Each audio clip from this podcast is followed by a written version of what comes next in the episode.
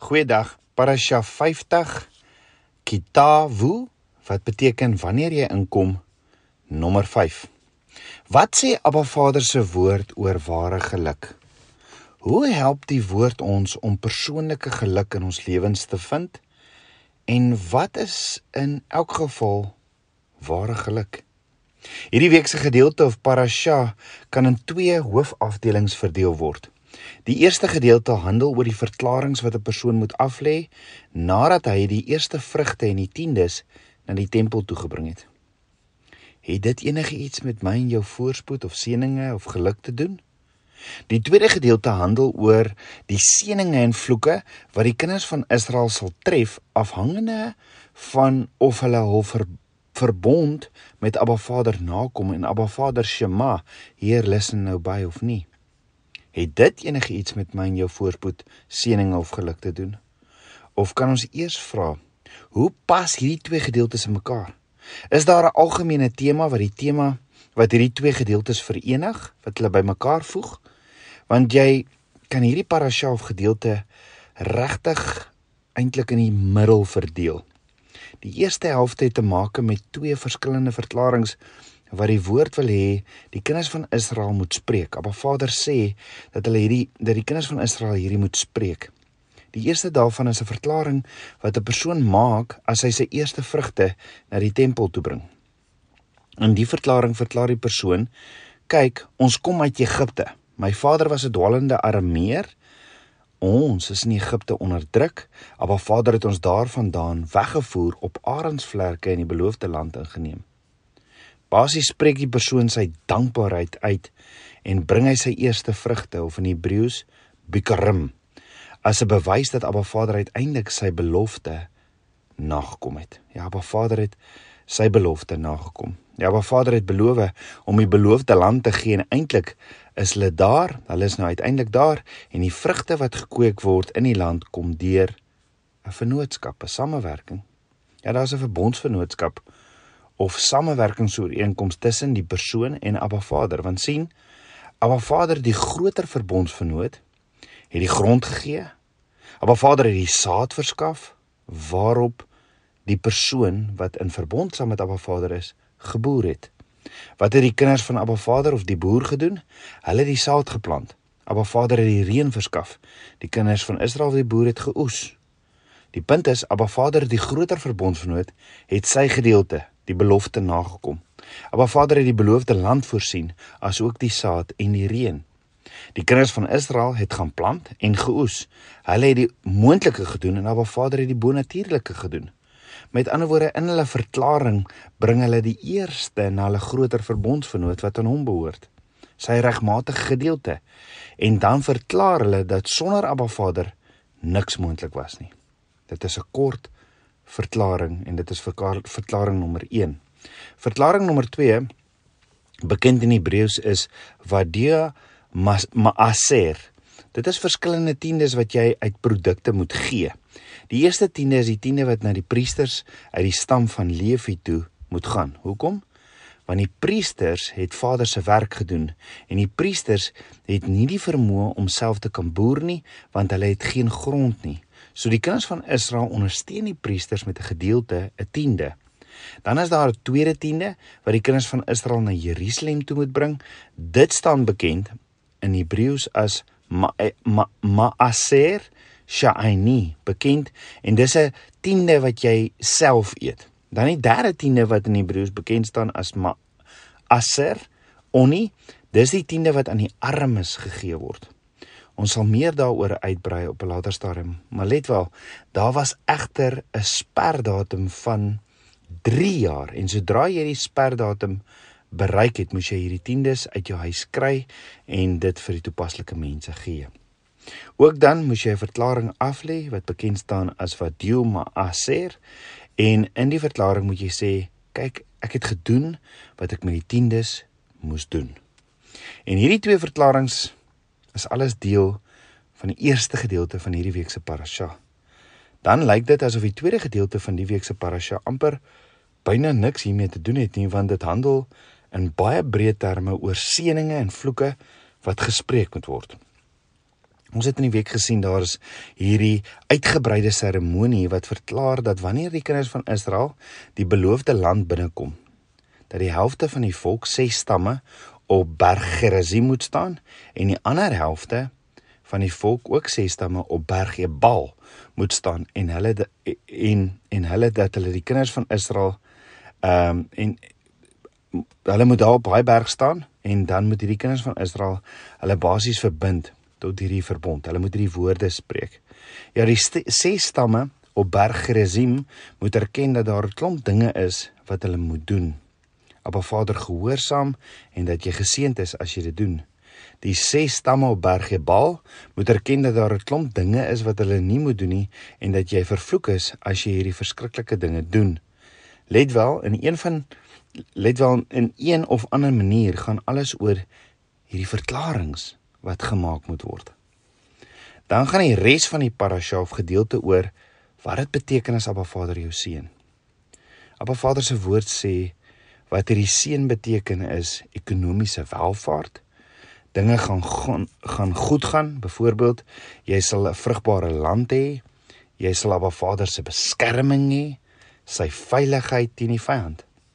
Dan is daar ook hierdie verskriklike gedeelte van vloeke wat praat oor hoe sleg dit ekonomies kan gaan en verowering van die vyand. Let wel, hierdie vloeke is selftoedienend want dis wat gebeur as jy Abba Vader nie Shema heerlis nou by nie. Met ander woorde, jy loop weg van Abba Vader af weens ongehoorsaamheid. Maar dink daaroor. Hoe pas hierdie week se gedeelte alles in mekaar? Wat of het die seëninge en die vloeke in die tweede gedeelte van hierdie parasha en die tweede en die twee verklaringe die twee die eerste twee verklaringe met die tiendes wat het dit alles met mekaar te doen is daar 'n moontlike prentjie wat Abba Vader vir ons skets en wat ons nodig het om te doen wat ek en jy dalk nodig het om te doen is om Ruach HaKodesh te vertrou om ons te kom leer hoe om hierdie legkaartstukke in te pas om die volledige prentjie te sien wat Abba Vader vir ons wil skilder of hierdie verenigde tema wat hy vir ons wil gee. Jy sien Abba Vader is 'n God van verbond. En as ons saam met hom in verbond wandel, hom gehoorsaam, Shema, is daar seëninge as ons nie doen nie. Is daar seëninge as ons doen wat hy sê en as ons nie wegstap van hom af nie, maar as ons wegstap en nie doen wat hy sê nie, sal daar selftoedienende pyn, vloeke oor ons kom. So in hierdie gedeelte of parasha ehm um, sien ons dit en dan sien ons in die volgende parasha, parasa Nitzvaim, beskryf Abba Vader vir ons hoe hoe ernstig hy is oor sy verbondsverhouding en in die gedeelte of parasha die een daarna Hahazinu is daar 'n hele lied wat bedoel is as 'n getuie oor hoe belangrik dit is om in 'n verbondsverhouding saam met Abba Vader te wandel.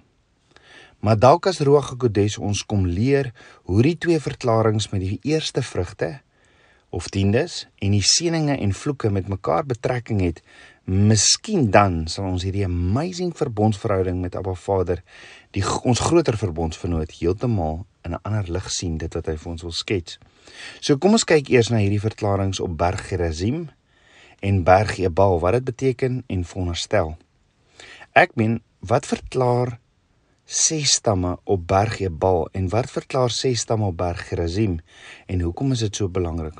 Onthou Abba Vader sê in Spreuke 18 vers 21: Dood en lewe is in die mag van die tong en elkeen wat dit graag gebruik sal die vrug daarvan eet. Jakobus sê ook in Jakobus 3 vers 3 tot 6: Kyk, ons sit stange in perde se bekke sodat hulle ons gehoorsaam kan wees en ons stuur hulle hele liggaam daarmee. Dan sê Jakobus verder: Kyk ook die skepe, alhoewel hulle so groot is en deur ewige winde voortgedryf word, word gestuur deur 'n baie klein roer net waarheen die stuurman wil.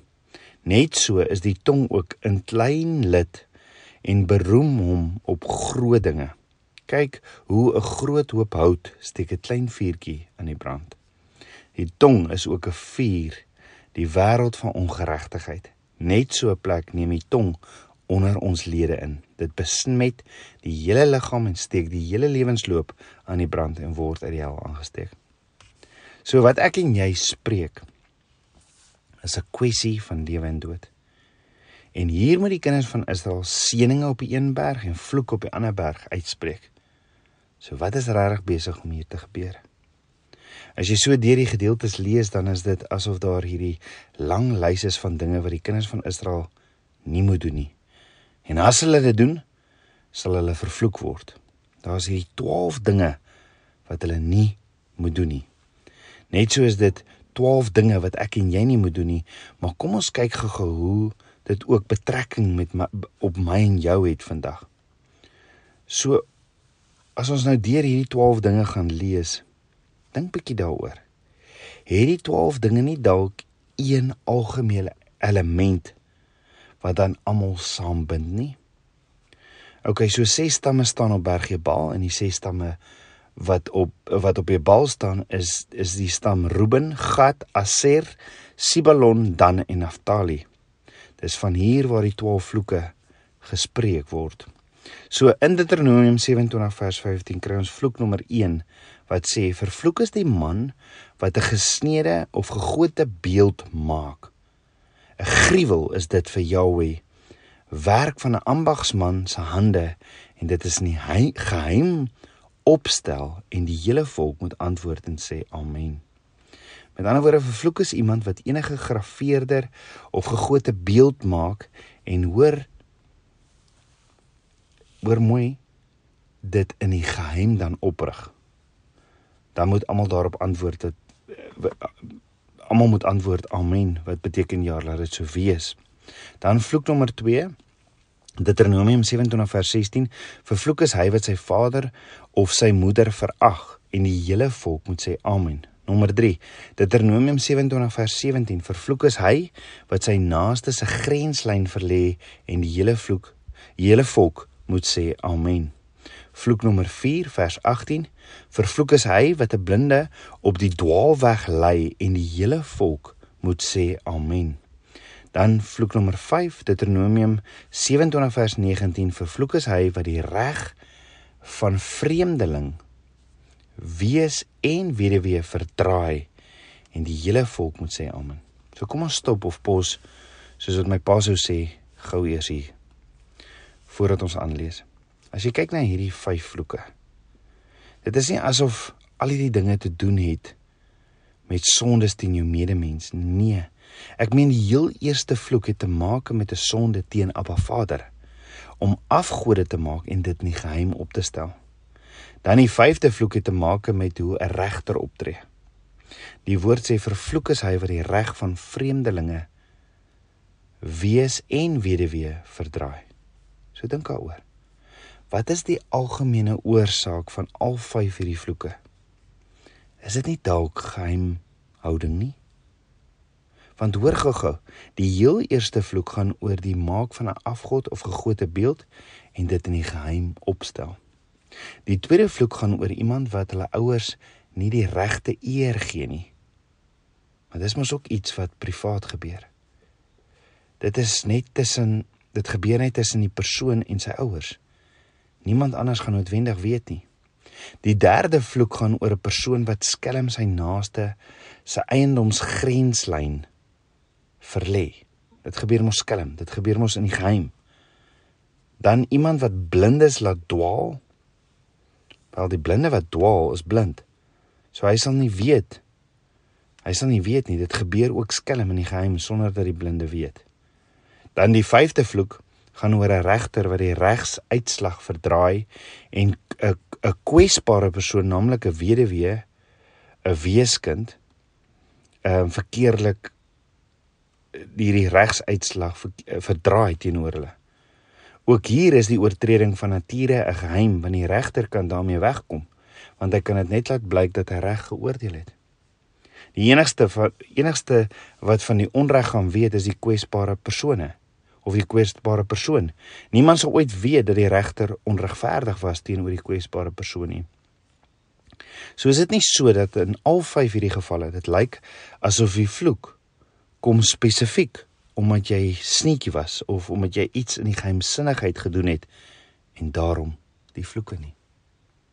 Net so vandag.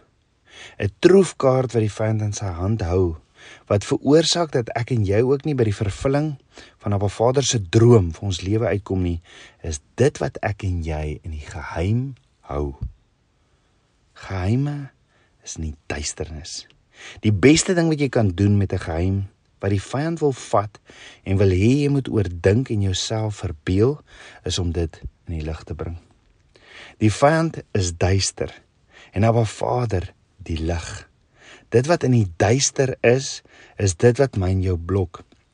Dis die vyand se troefkaart. Wat is 'n troefkaart? Dis 'n kaart, maak nie saak hoe laag die nommer is nie. As jy 'n troefkaart neergooi, kan hy jou hoogste kaart wen en dis presies wat die vyand doen.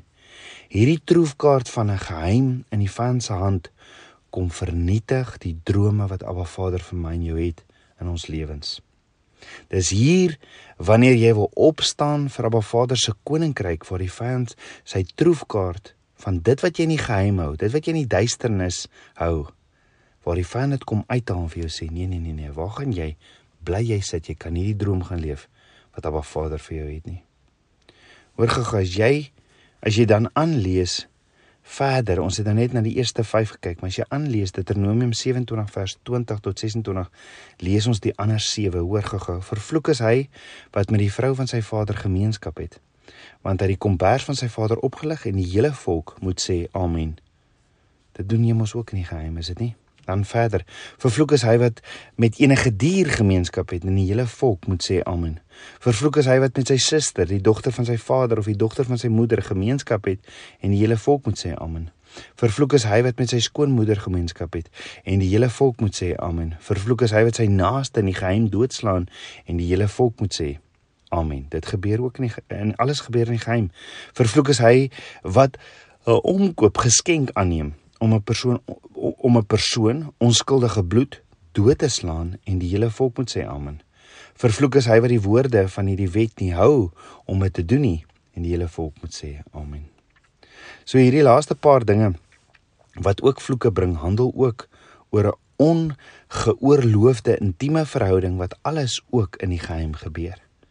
Maak nie saak wat nie. Jy moet wegbly van enige soort geheim oortredings. Met ander woorde al 12 vloeke wat op hierdie berg uitgespreek word, gaan oor geheimhouding wat vloeke bring. Om oor te ponder. Het dit nie ook alles dalk ook te doen met jou voorspoed en geluk en die seëning wat Abba Vader vir jou het nie en die droom wat hy vir jou het nie? Die vraag is Tabernakels kind van Abba. Wat is daar vandag wat in die wat jy nie geheim hou wat in die lig moet kom? Jou toekoms, die droom, die beloofde land wat Abba Vader vir jou het, is afhangend van hoe jy dit hanteer. Dit wat vandag in die duisternis in jou lewe is. Hoekom nie vandag dit aan die lig bring nie? Kom ons bid saam. Abba Vader, skieper van my hart, Abba, ek loof en ek prys U. Vader, vergewe my my sondes. Vergewe my vir enige iets wat ek in die geheim hou, in die duisternis hou. Wys my Heilige Gees, wys my Ruach Gedes of daar enige iets is wat in die geheim is sodat ek in die lig kan bring in Yeshua se naam. So die vyand geen troefkaart teen my kan hou in Yeshua se naam om die droom te leef wat Abba Vader vir my het nie. Vader kom was my met die waterbad van u woord en kom leef u droom deur my. Meer en meer van u Papa God. Leer my net u waarheid. Ek wil saam met U wandel in die lig. Ek bid dit alles in Yeshua Messie se naam, die seun van Jahweh. Amen. Shalom.